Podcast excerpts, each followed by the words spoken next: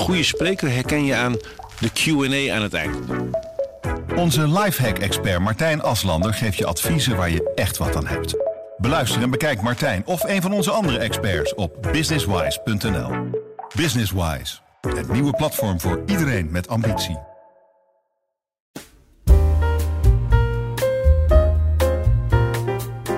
Welkom bij Lees die krant. Mijn naam is Emma-Louise Diest en in deze podcast neem ik je mee achter de schermen van de Parool. In iedere aflevering ga ik in gesprek met de maker van de krant. Ja, want voordat we het Parool openslaan heeft de krant al een hele reis gemaakt. En daar wil ik alles over weten.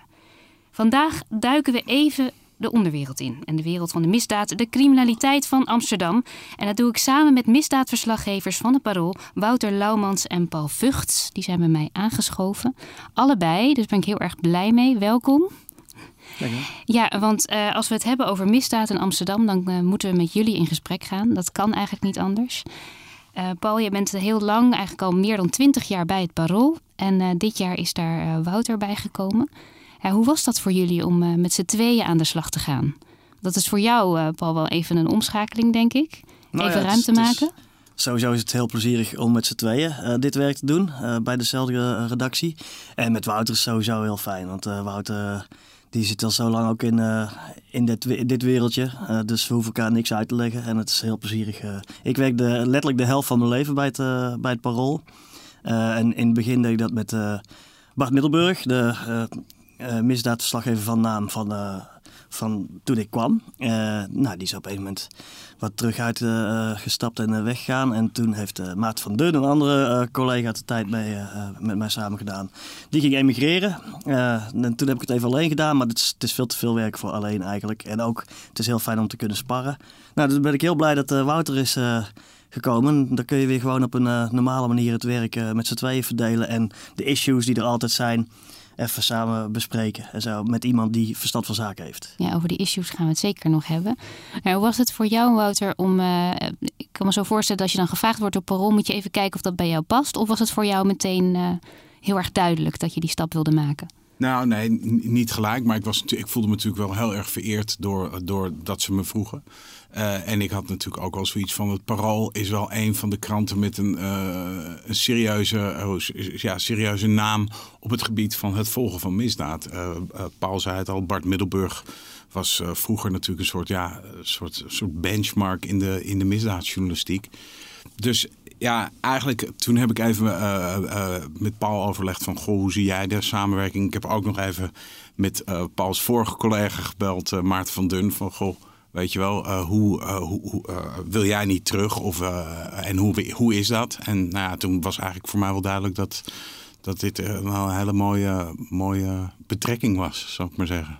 Dus dat beeld, je had wel een specifiek beeld van het parool. Want je zegt ook echt, dat heeft in de, ja. uh, in de, de wereld van de misdaadverslaggeving... heeft het ook wel een hele goede naam. Ja, ik was natuurlijk altijd wel al een paroollezer. En ik heb uh, vroeger in Amsterdam uh, ook, zeg maar, ben ik begonnen als journalist bij AT5. Dat, dat was toen zeg maar de televisieconcurrent van het, van, de, van het parool. Dus ja, ik, ik ken die krant wel heel goed. En ik vind het echt wel een hele leuke, frisse krant. Dat vond ik toen ook al. Dus wat dat betreft was ik natuurlijk ook gewoon vereerd om, om, om gevraagd te worden. En wat voor geluid, um, of waar, waar, hebben we het over? Want je zegt dat het, in de, dat het qua misdaadjournalistiek heeft het een goede naam. Maar waar moet ik dan aan denken? Wat, als jullie kijken naar het parool, wat, is dan, wat voor beeld hebben jullie daar dan bij? Nou, uh, overal is het, uh, het parool een heel serieuze, maar ook uh, goedmoedige krant. En met veel vrolijkheid en over lekker eten. En dat is het parool als ge, geheel. En ruime cultuursectie. En daarbinnen heb je ons hoekje, de misdaadverslaggever, ja, dat is de afdelingen vinger op de zere plek. Dus dat is niet vrolijk, maar we proberen het wel gedegen te doen. Niet uh, met veel bassen en violen, maar uh, rustig en nuchter. Maar wel duidelijk uh, beschrijven wat er in deze stad aan misdaad aan de hand is. En welke bedreigingen er zijn voor, voor de maatschappij, voor de stad, voor de jeugd die opgroeit, voor uh, jeugd die bijvoorbeeld uh, heel makkelijk zich laat verleiden tot het uithalen van enorme partijen uh, cocaïne uit havens, van bijvoorbeeld Antwerpen, Rotterdam, Vlissingen. en dan voor ze het zelf beseffen, voor ze eenmaal goed volwassen zijn, in de cel of in de graf terechtkomen. dat is wat het, wat het parool heel gedegen moet beschrijven. En uh, daar, nou, daar doen we ons best voor. Ja, is ook wel een heel groot spectrum. Je hebt het natuurlijk over de kleine criminaliteit. Ik weet niet of je het zelfs of je het zo mag noemen, maar gewoon de, ja, de kleine delicten. En dan heb je het ineens over cocaïnehandels. Dan ga je van ja. klein naar heel groot. Hoe zorg je ervoor dat je um, dat allemaal wel verslaat? Dus dat je daar een goed greep op houdt, zeg maar. Ook daarom is het fijn om met z'n tweeën te zijn. En, ja. um, en ik kleine losstaande zaken kunnen we ook nog wel aan een ander overdragen. Snap je? Als, uh, um, en wie is die ander dan? Nou, er zijn wel collega's die gewoon losse uh, strafzaken bijvoorbeeld uh, volgen. Waar je niet de hele context voor in je hoofd nodig hebt. maar het is... Kijk, kleine criminaliteit bestaat niet voor de slachtoffers. Hè. Het is, het is, dat kan juist heel erg ingrijpend zijn. Maar Wouter en ik zitten toch ook wel heel erg met die zware wereld van tegenwoordig de Ridouan Tachis en voorheen Willem Holleder, Lido Soerel, dat soort Hells Angels, Satudara. Um, nou ja, en, dat, uh, en daar zit, nu, nu zit je weer met hele nieuwe generaties. Nu heb je ook uh, allerlei problemen met jongeren die elkaar neersteken of bedreigen in het kader van drill rap. Het is ook wel heel goed om die hele verschillende speelvelden te willen beschrijven. Ehm, dat je ook gewoon, dan is het ook gewoon heel afwisselend. En het is, dan, dan laat je alle verschillende facetten van de misdaad in beeld uh, komen. Aan de andere kant is dat natuurlijk veel werk en dus is het heel fijn om het met z'n tweeën te belichten. En als jullie bij elkaar komen en uh, je moet dus met elkaar een beetje sparren, wat je, wat je steeds zegt, hoe, hoe ziet dat eruit? Hoe, hoe gaat dat in zijn werk? Uh, organisch. Uh, vaak ook wel met, de, ja, gewoon, we hebben ook wel lol samen. Dat, dit, dit werk kan je ook niet doen als je geen ventiel hebt, snap je? Je moet ook wel om ja, en, en, dat is niet dat we de hele dag uh, schaterlachend over de grond rollen. Maar ja, we, we, vertellen elkaar ook andere verhalen. Gewoon uit het, uit het wereldje. Je probeert, ja, en dan neem je op een gegeven moment neem je de lopende zaken door van goh, wie doet wat. Maar het kan ook zijn dat we samen aan een project werken en dat we zeggen van hé, hey, luister, hoe zie jij dit? Hoe zie ik dit? Zal ik diegene bellen? Ga jij die benaderen? Eigenlijk dat, zo, zo, zo hebben we zeg maar één en één keer per week ongeveer uh, zien we elkaar. En ja, nu in coronatijd. Uh, in, normaal zou je elkaar veel vaker zien natuurlijk. Maar in coronatijd ja. is het gewoon praktisch niet handig om uh, de hele tijd af te spreken. Uh, ja. Dus ja. Ja, en, en, en ik vind dat wel fijn dat we, we bellen elkaar ook veel. En ik vind dat wel fijn, want het is, ja, ik ben gekomen in coronatijd. En uh, dat is toch best wel, ik ben ook wel iemand die graag staat te ouwe hoeren bij het koffiezetapparaat op een krant. Vind ik leuk. En ik hou er ook wel van om zo mijn collega's te leren kennen. Ja, dat is een beetje moeilijk. Maar gelukkig kan ik dus wel samenwerken uh, met Paul. En intensief ook. Dus dat neemt dat een beetje weg. Ja, als we het nou hebben over de ernst van de zaak. Je zegt dat we moeten kunnen, ook een beetje kunnen dollen. Want het moet iets, ook iets licht. Je moet het even kunnen uitademen ook. Omdat het is vrij zwaar soms waar je over schrijft. Ja. Als je met elkaar praat over dat soort zware onderwerpen, gaat dat dan wel over de telefoon? Of is er ook een soort angst van uh, wat wij bespreken? Ik wil niet dat iemand anders dat zou kunnen horen. Of ja, in hoeverre zit, zit, zit daar angst? In principe zitten wij natuurlijk niet in het criminele milieu. Dat wil niet zeggen, eh, dat, dus we hebben vrij weinig eigenlijk te verbergen. Maar het gaat soms wel eens dat we zeggen, nou, volgens mij kan ik je hiervoor even beter zien. Omdat je gewoon niet helemaal weet, uh, als er iemand meeluistert, wie dat dan is. Ik ga er eigenlijk vanuit dat het, dat het niet gebeurt als wij met elkaar bellen. Maar dat is een aanname die nergens op gebaseerd is. Het zou niet moeten? Nee, dus maar en wat dat betreft in contact met bronnen. Uh, ben ik daar veel, uh, hoe zeg ik dat, uh, ja, veel voorzichtiger in. Dus dan spreek ik eigenlijk liever altijd af. En dat geldt voor die bronnen zelf ook? Onze bronnen wilden niet over de telefoon praten. Meestal. Uit welke hoek zou komen. Of ze nou uit het criminele milieu zelf komen of uit de opsporing of wat dan ook. want ja, en zeker voor criminelen is het natuurlijk altijd het risico dat zij uh, onder de tap staan, zoals het heet, dus afgeluisterd worden. Dus dat zul je moeten afspreken. Soms zullen en criminelen willen vaak ook niet in Amsterdam afspreken, dus ze bang zijn met je gezien te worden. Dus dan moet je het even stukje rijden, een stukje lopen. Ja, dat is zoals het gaat. En hebben jullie allebei jullie eigen bronnen? Ja, voor een deel zal het overlappen, maar uh, voor een deel uh, niet. En uh, kijk, en bronnen tegen wie we hebben gezegd dat nooit naar buiten zou komen uh, wie zij zijn. En dat, nooit, dat je nooit met iemand zult bespreken uh, wie zij zijn. Ja, daar praten we onderling ook niet, zelfs niet over. Maar uh, nou, we hebben wel allebei een spectrum aan bronnen dat het hele wereldje dekt, zeg maar. En dat is wel heel belangrijk, want je moet natuurlijk uh, niet alleen voor hoor en wederhoor, uh, maar je moet natuurlijk ook de eventueel gekleurde informatie die je krijgt aangeboden wegen falsifiëren. Dus je moet allerlei verschillende bronnen steeds spreken om er zeker van te zijn dat je een voldragen journalistiek fit-to-print verhaal hebt. En dus ehm, is het, en dat is dan met z'n twee is dat ook weer handig. Dan kun je allebei een deel van dat werk, werk doen. En toen jullie begonnen met z'n tweeën, zeg maar, um, toen Wouter van jij net erbij was, zijn jullie toen echt gaan zitten van, nou ja, dit is mijn kijk op de wereld, dit weet ik, dit is mijn netwerk, dat je dat met elkaar overlegt? Nee, Paul en ik kennen elkaar inmiddels al, nou, volgens mij bijna, denk wel twintig jaar. Ja. Uh, en dan de ene tijd gingen we wat intensiever met elkaar om dan de andere tijd. Dat kwam altijd door mijn werk. Soms, ik heb ook een tijdje dit, dit niet gedaan. Uh, en ja, gaandeweg zien we allebei wel, um, weten we ongeveer wel wat iemand weet. Dus ik heb bijvoorbeeld het, tweede boek wat ik met Marijn Schrijver heb gelezen, heeft Paul ook tegengelezen om te kijken van joh, maken we denkfouten of maken we, maken, we, maken we ergens een misstap die we nu over het hoofd zien. en zo, zo hoog heb ik hem wel zitten. Dus ik weet ook wel van, nou, als hij zegt het klopt niet, dan, dan geloof ik hem eigenlijk wel blind. Ja. We zijn ook nooit als, echt als concurrenten met elkaar omgaan, zeg maar. Dat, is, uh, dat zou je wel denken als je, bijvoorbeeld, als je bij verschillende media werkt of zo. Maar uh, ik zeg altijd, er is genoeg voor iedereen. En deze koek is enorm, die misdaadkoek. dus uh, we gaan volwassen met elkaar om, altijd al. je volgt elkaar, omdat het gewoon interessant is. En als Wouter wat heeft, dan kijk ik, moet ik daar ook wat mee? Of moet ik daar later op terugkomen? nou ja, dan zorg je altijd ook. Dus je weet precies van elkaar welke zaken je goed in de vingers hebt.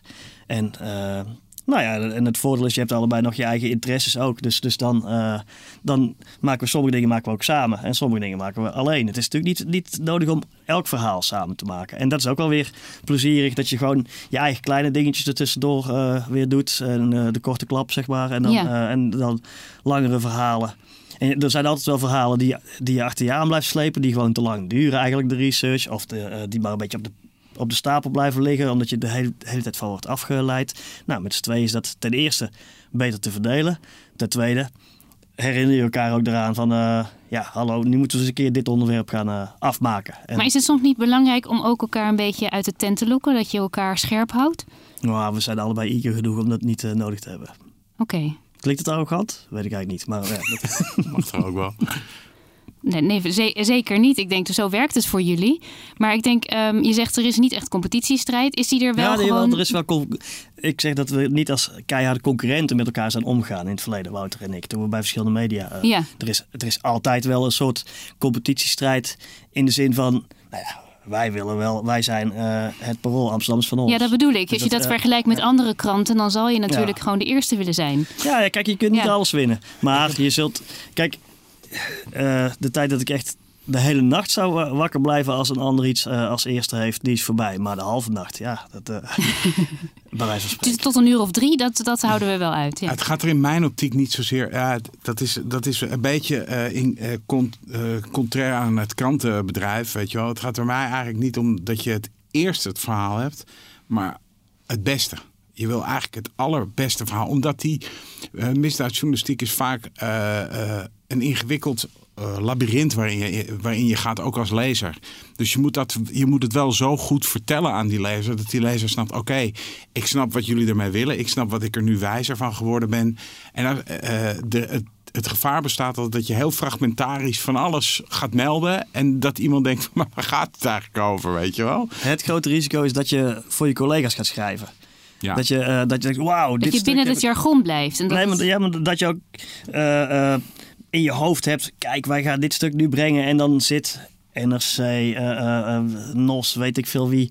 ja, die zitten te kijken, die moeten er ons over schrijven. Wij moeten voor de lezers schrijven. En wat het grote voordeel is van ook uh, langer in dit wereldje uh, zitten. En wat heel belangrijk is, is het kunnen duiden. Uh, snap je? En dus je kunt vaak.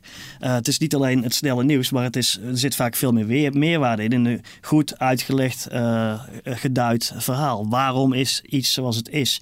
Welke grote lijnen zien we? Welke ontwikkelingen zien we? Ik, ik zeg wel eens, toen ik bij de krant kwam werken, was ik begin 20 en ik schreef over criminelen die geliquideerd werden. Die waren ongeveer 40, 45. En nu ben ik zelf in de 40 en schrijf ik over criminelen die geliquideerd worden die midden 20 zijn. Dat is maar wel hoe zorg je ervoor dat je die eh, belevingswereld van die hele jonge criminelen, dat je die een beetje uh, begrijpt? Want uh, als je met elkaar uh, in, in overleg gaat, dan kom je daar waarschijnlijk niet helemaal nee, in. Dus, Dus, door het luik te volgen en door je erin te verdiepen. en hoe verdiep je je daar dan in? Nou kijk, ten eerste, eh, wij zien die jongens ook. Kijk, je kunt ze op straat. Sommige, je hebt contact met sommigen. Kijk, sommigen willen niet praten. Eh, je zit met mensen omheen. Ja. Eh, spreek mensen uit hun familie-kenniskring bijvoorbeeld. We volgen rechtszaken waarin hun levens uitgebreid over het voetlicht komt. En dat doe je vele jaren achtereen. Wouter en ik hebben allebei we hebben allebei twee boeken geschreven over, eh, laat ik zeggen, de nieuwe generatie jongere criminelen. Eh, veel van eh, Marokkaanse, Amsterdamse origine. Dus wij hebben daar ook allebei wel diepe interesse in eh, gehad. En ik durf wel te beweren dat, dat wij met z'n twee samen ons wel het best verdiept hebben in die ontwikkeling van alles. Media. Ook omdat het parool dat natuurlijk. Voor het, het is echt in Amsterdam een heel groot probleem. Dus voor het parool. Je krijgt ook de tijd om je daarin te verdiepen en zo. Dus, dus je, je, Je krijgt de ruimte. nou, die neem ik ook wel, maar die, ja, die krijg ik ook, ja. En dat zijn, dan maak je het ook een maatschappelijk fenomeen. Kijk, ehm, Pietje die Klaasje eh, doodschiet, daarvan kunnen mensen zeggen, ja, dat is hun probleem, dat is het bedrijfsrisico. Dat vind ik overigens een zeer cynische en eh, laagbare eh, benadering. Maar als eh, Pietje Klaasje doodschiet midden op de dag met een automatisch wapen in een woonbuurt eh, waar mensen langslopen. Als eh, Pietje probeert Klaasje dood te schieten en hij schiet de verkeerde dood, omdat hij in zijn stress blundert en een persoonsverwisseling een vergissing verschrikkelijk maakt. Ehm, dus er zal nooit. Het zal nooit zo zijn dat bij het parool dan gezegd wordt: nee, dit, dit willen we allemaal niet verder uitgezocht hebben. Snap je? Dan pak je casus steeds om het fenomeen inzichtelijk te maken. En dat evenwicht is interessant om te zoeken. Dus je maakt het verhaal groter dan wat er daadwerkelijk op dat moment alleen qua Mm. feiten gebeurt. Ja, een verhaal groter maken zou, zou Nee, je kunnen legt verstaan uit als waarom het gebeurt. Ja. Je legt uit. Kijk, de, maar dan, dat, de, dat impliceert wel dat jij het begrijpt. ja, de het dynamiek van die onderwereld is. Kijk, eh, eh, er wordt wel eens cynisch gezegd: in de onderwereld gaat het om drie dingen: geld, geld en geld. Snap je? Dat is. En eh, ik zeg ook wel eens: ja, eh, wat, wat, wat, wat, wat wij doen is verhalen maken over klootzakken die andere klootzakken doodschieten voor geld. Weet je wel? En dat is natuurlijk een hele simpele, cynische, eh, gekke, gekke opmerking. Want dat is natuurlijk niet zo. Maar wat ons met name heel erg fascineert is... je kan natuurlijk melden van... oké, Pietje heeft Jantje doodgeschoten. Waarom en hoe zit dat? En wat zit daarachter? En wat is de drijvende kracht voor die jongens om dit te doen? Kijk, als je er heel, eh, heel naar kijkt... zie je, oké, ze doen het allemaal om geld. Als je een, een laag dieper gaat... zie je ook dingen als erkenning, eh, de, de verschoppelingen van deze wereld. En ik vind, ik vind het belangrijk om die, om die facetten van, van ja, toch ook mee te nemen in een verhaal. Waarom, waarom gebeurt er wat er gebeurt? Dat is eigenlijk je taak als journalist. Dat is journalistiek uitleggen. Alleen sec een feit melden, ja, dat, dat is, dat is eh, dan doe je verslaggeverij, snap je? Dat is, dat is niet dat ik op het een neerkijk of het ander hoog, maar dat, Het is niet de manier waarop jij wil werken. Nou, Het bestaat naast elkaar. Ja. Kijk, we willen de feiten melden, maar je, kunt, je moet ze vooral ook in perspectief willen eh, plaatsen. En wat Wout zegt, kijk, veel van die jonge jongens die zijn op een of andere manier eh, op zoek naar status, naar houvast, naar iemand die, die hen ook op, op waarde schat. En veel hebben het idee dat ze dat niet in de reguliere maatschappij eh, te, eh, te pakken krijgen. En kijk, als jij een eh, overval pleegt op een sigarenboer, dan ben je gewoon een klootzak. Dat, dat blijft staan.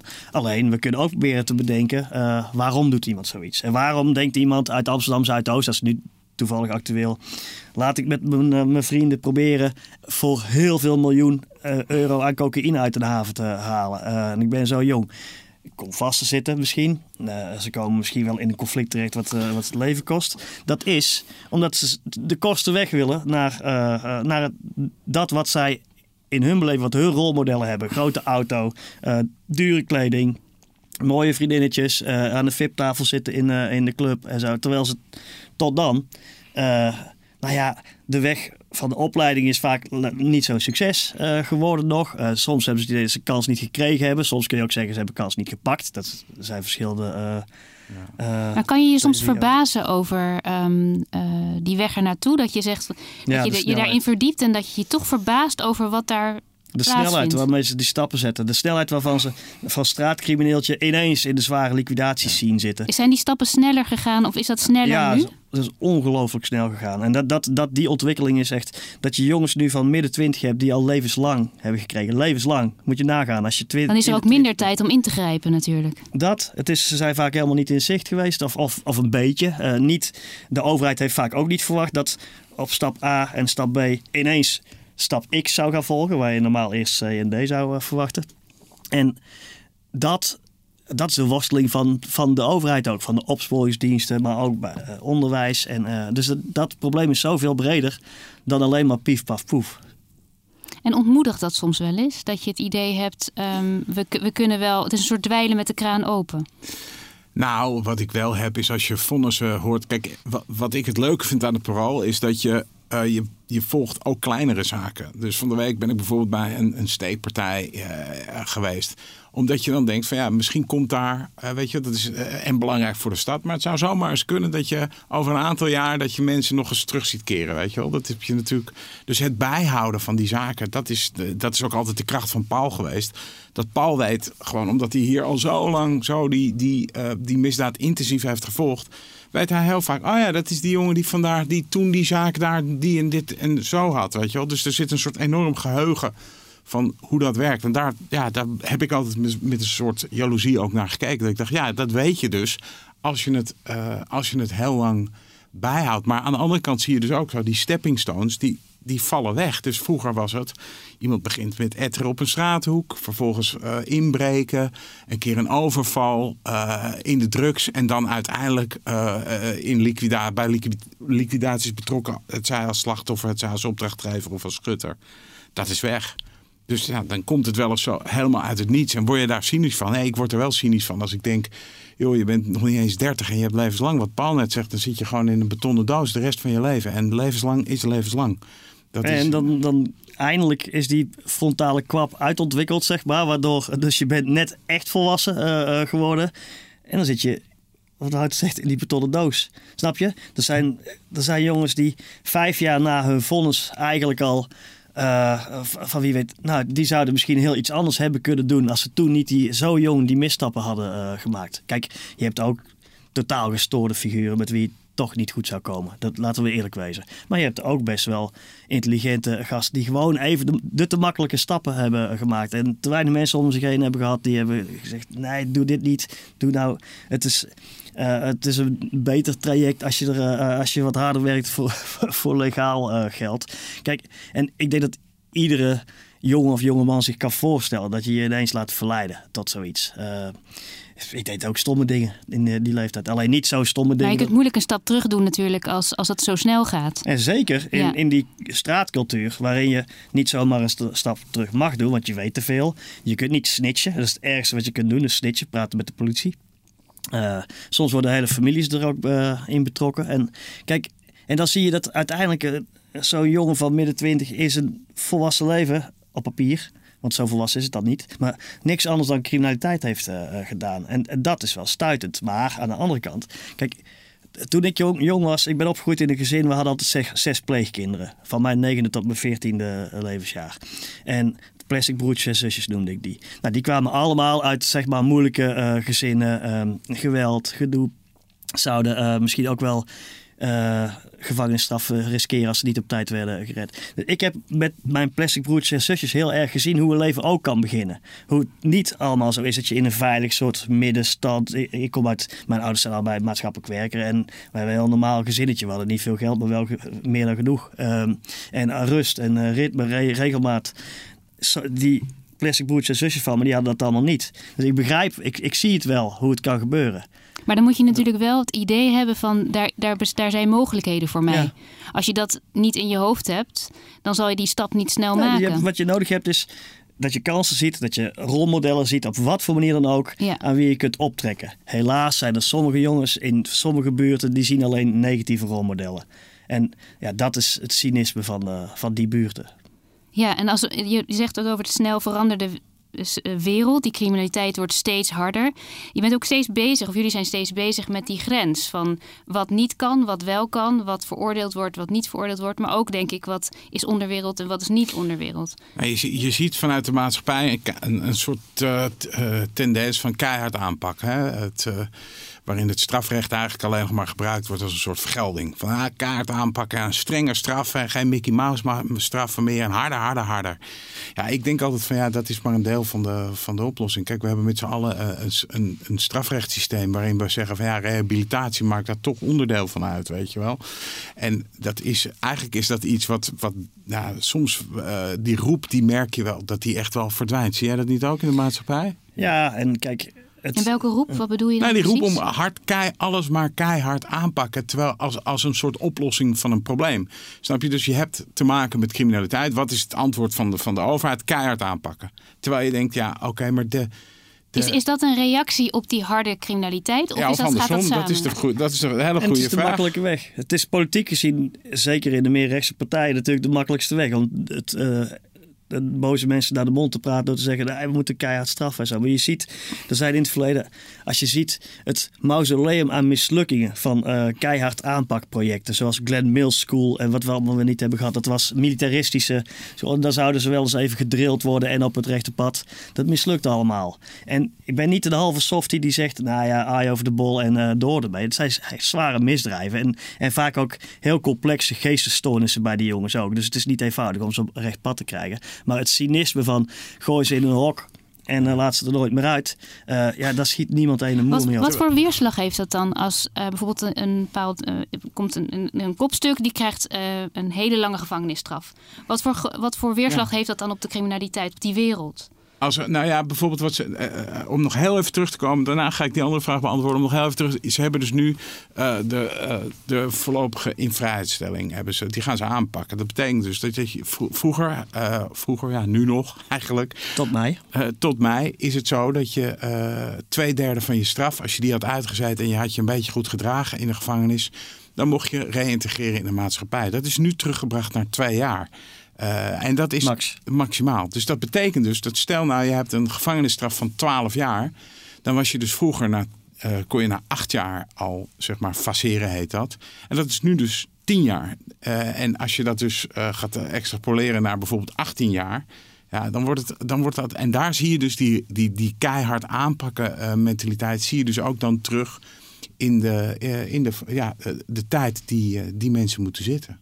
Kijk, wat je, wat je wel ziet met bijvoorbeeld, we hebben het daar net al even gehad over uh, jonge mensen die levenslange celstraf hebben gekregen. Daar moet ik wel bij vermelden, die zijn dan wel verwikkeld geweest volgens de rechtbank en de hoven in meerdere liquidaties. En, en die hebben dan ja, zichzelf buiten de maatschappij geplaatst. Bijvoorbeeld ook door op de vlucht ook nog eens met automatische wapens van dichtbij op motoragenten te schieten, ik noem maar wat.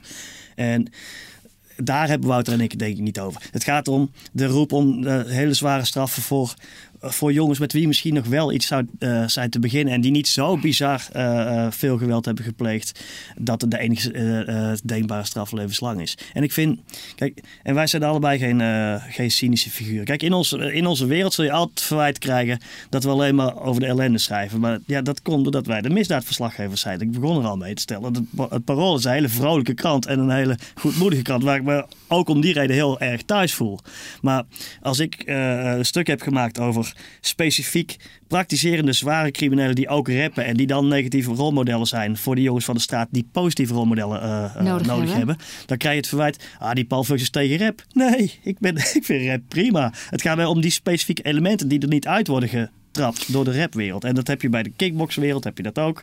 Um, en, de, en ik vind het het grootste belang voor die jongens is een positief rolmodel te krijgen. En een klein beetje stabiliteit. En dat, je kunt, dat, ze, dat ze zien dat ze ook, uh, misschien doordat ze. Dat er ook een mogelijkheid bestaat op een ander leven. Om iets legaals ja. te doen. En, en vooral dat je dan niet over je ene schouder hoeft te kijken of de concurrentie achter je aan zit om je dood te schieten. En over je andere schouder hoeft te kijken om te kijken of de politie achter je aan zit. Altijd paranoia, nooit rust.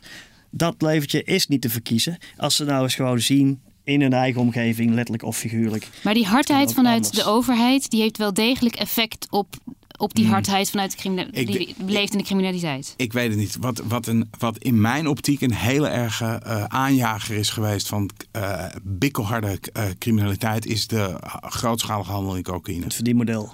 Uh, kijk, uh, als, je, als iemand twee blokken hash kwijtmaakt, nou, dan heb je het over 8000 euro.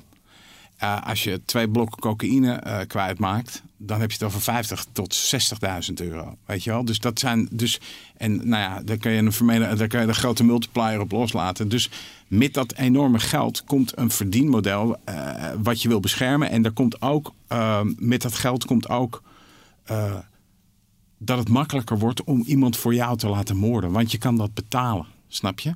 En ik denk dus dat dat een hele grote aanjager is geweest van, uh, van geweld. De, de, grootschalige handel in harddrugs.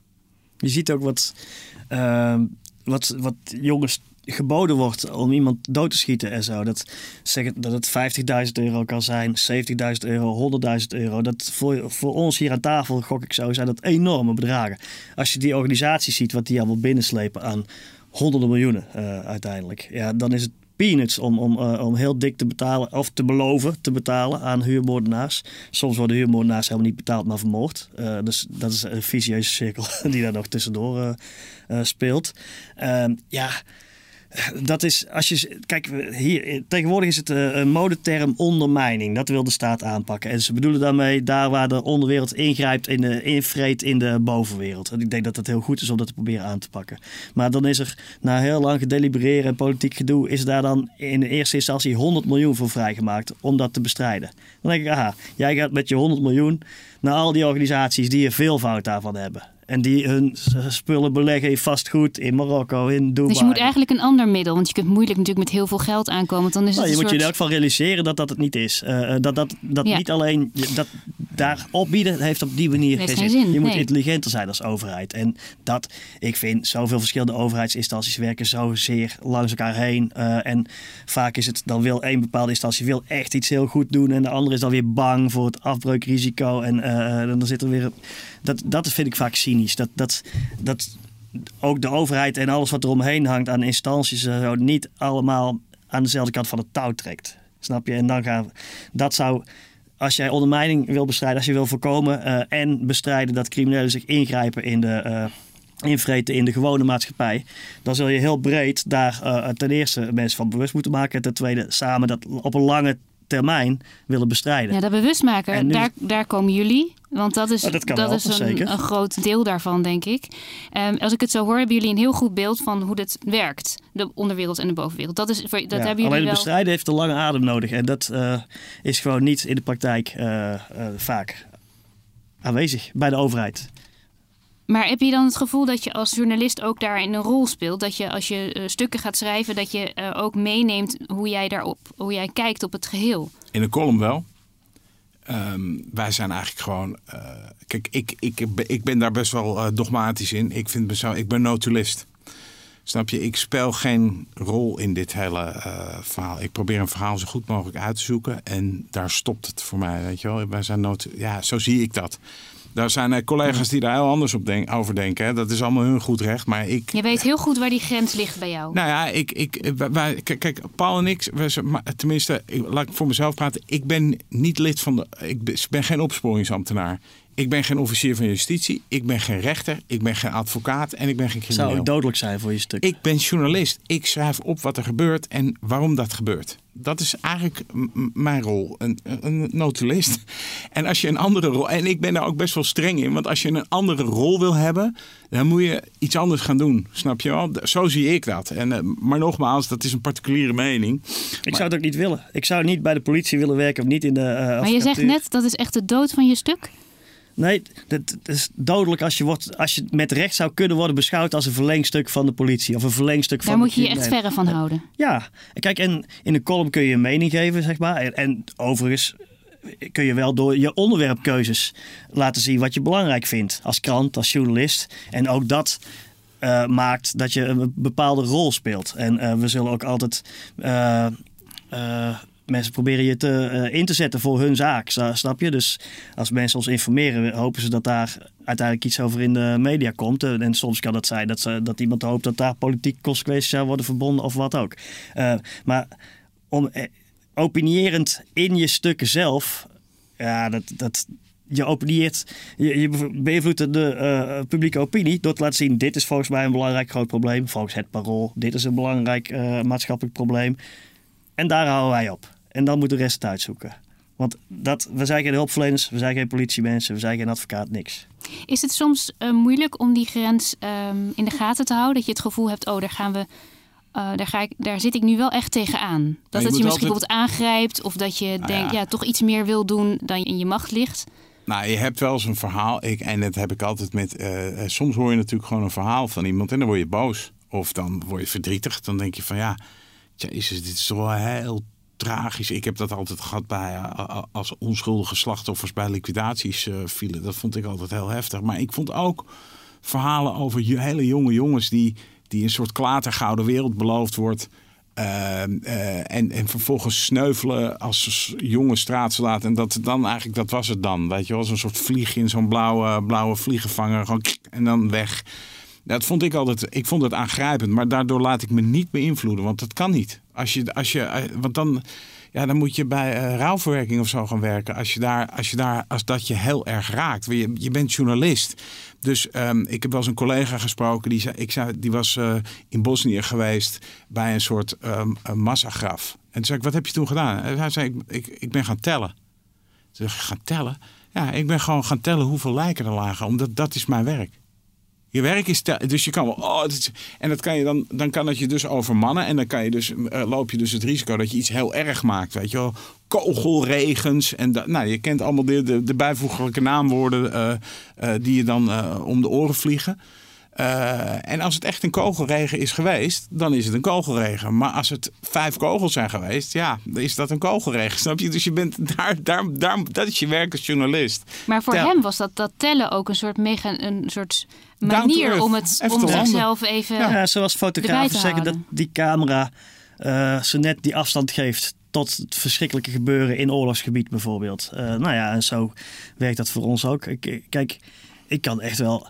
Ik kan het echt intens triest vinden als een jongen van 27 is doodgeschoten. eh, terwijl hij er nooit een normaal leven heeft eh, eh, geleid. Wat hij ook zelf... Natuurlijk is hij er zelf debet aan geweest. Maar de ultieme straf... Dat, ik ben tegen de doodstraf, dus ik ben ook tegen die liquidaties. En, maar, en dan probeer ik... Het, komt ook vaak voor... Het zit nu weer verwikkeld in zoiets... dat familieleden uiteindelijk vragen of we online kunnen weghalen criminele jongen eh, geliquideerd. En doe je dat dan? Nee, in principe niet. Omdat ik nog, er is niks anders. Ik, ik- moet ik ervan maken, loodgieter was hij niet. Snap je? Eh, eh, bakker is hij ook niet geweest. Alleen als ik het rustig uitleg aan eh, die familie. En als ik stel dat ik diegene al jarenlang serieus volg. eh, eh, en, en dat ik begrijp en inzie hoe het gegaan is. nou, dan krijg je gewoon wel een goed gesprek uiteindelijk. Maar, En dan gaan we uit elkaar. Dan zeg ik, ik kan de werkelijkheid niet mooier maken dan die is. Dus het woord crimineel blijft staan. Wat niet wil zeggen dat ik een soort, wat ze vaak denken. Ah, hij zit weer te kicken op een nieuw stukje en zo.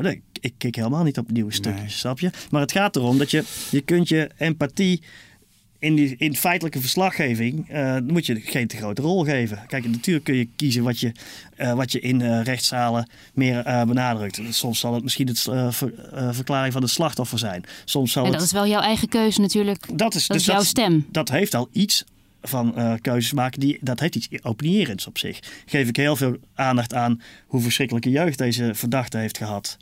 Of eh, zet ik de microfoon meer aan de kant van de slachtoffers die zeggen hoe Maar daar ben je wel heel bewust van. Dat je die Ja, rol ja. hebt eigenlijk. Ja, nou ja, en, en als je er dus eens een keer niet van bewust van zou zijn, dan word je er misschien door de buitenwereld wel op aangesproken. Maar ik probeer altijd wel mensen een menselijk gezicht te geven. Kijk, de, de valkuil voor een v- journalist of een verslaggever is als je bij een rechtszaak zit, dan gaat het OM, die gaan zeggen.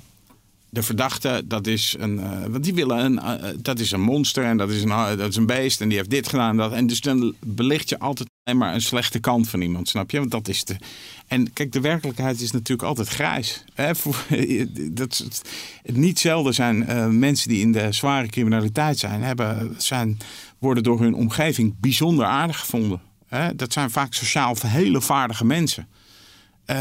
Dus ja, als je zo'n grijstint aanbrengt in een verhaal, vind ik dat altijd wel we- goed werken. En er zullen mensen zijn die zeggen van, ja, nee, maar dat wordt soft. Ja, dat kan wel zo zijn. Maar als het één waar is, is het ander niet per definitie niet waar. Snap je?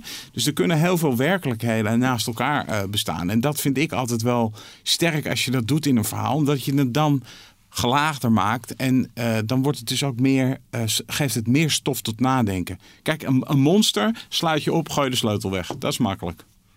Kijk, maar vergeet je niet dat wij in principe ook met iedereen spreken die ons wil spreken. En we willen graag met de criminelen zelf spreken, natuurlijk ook over wie we schrijven.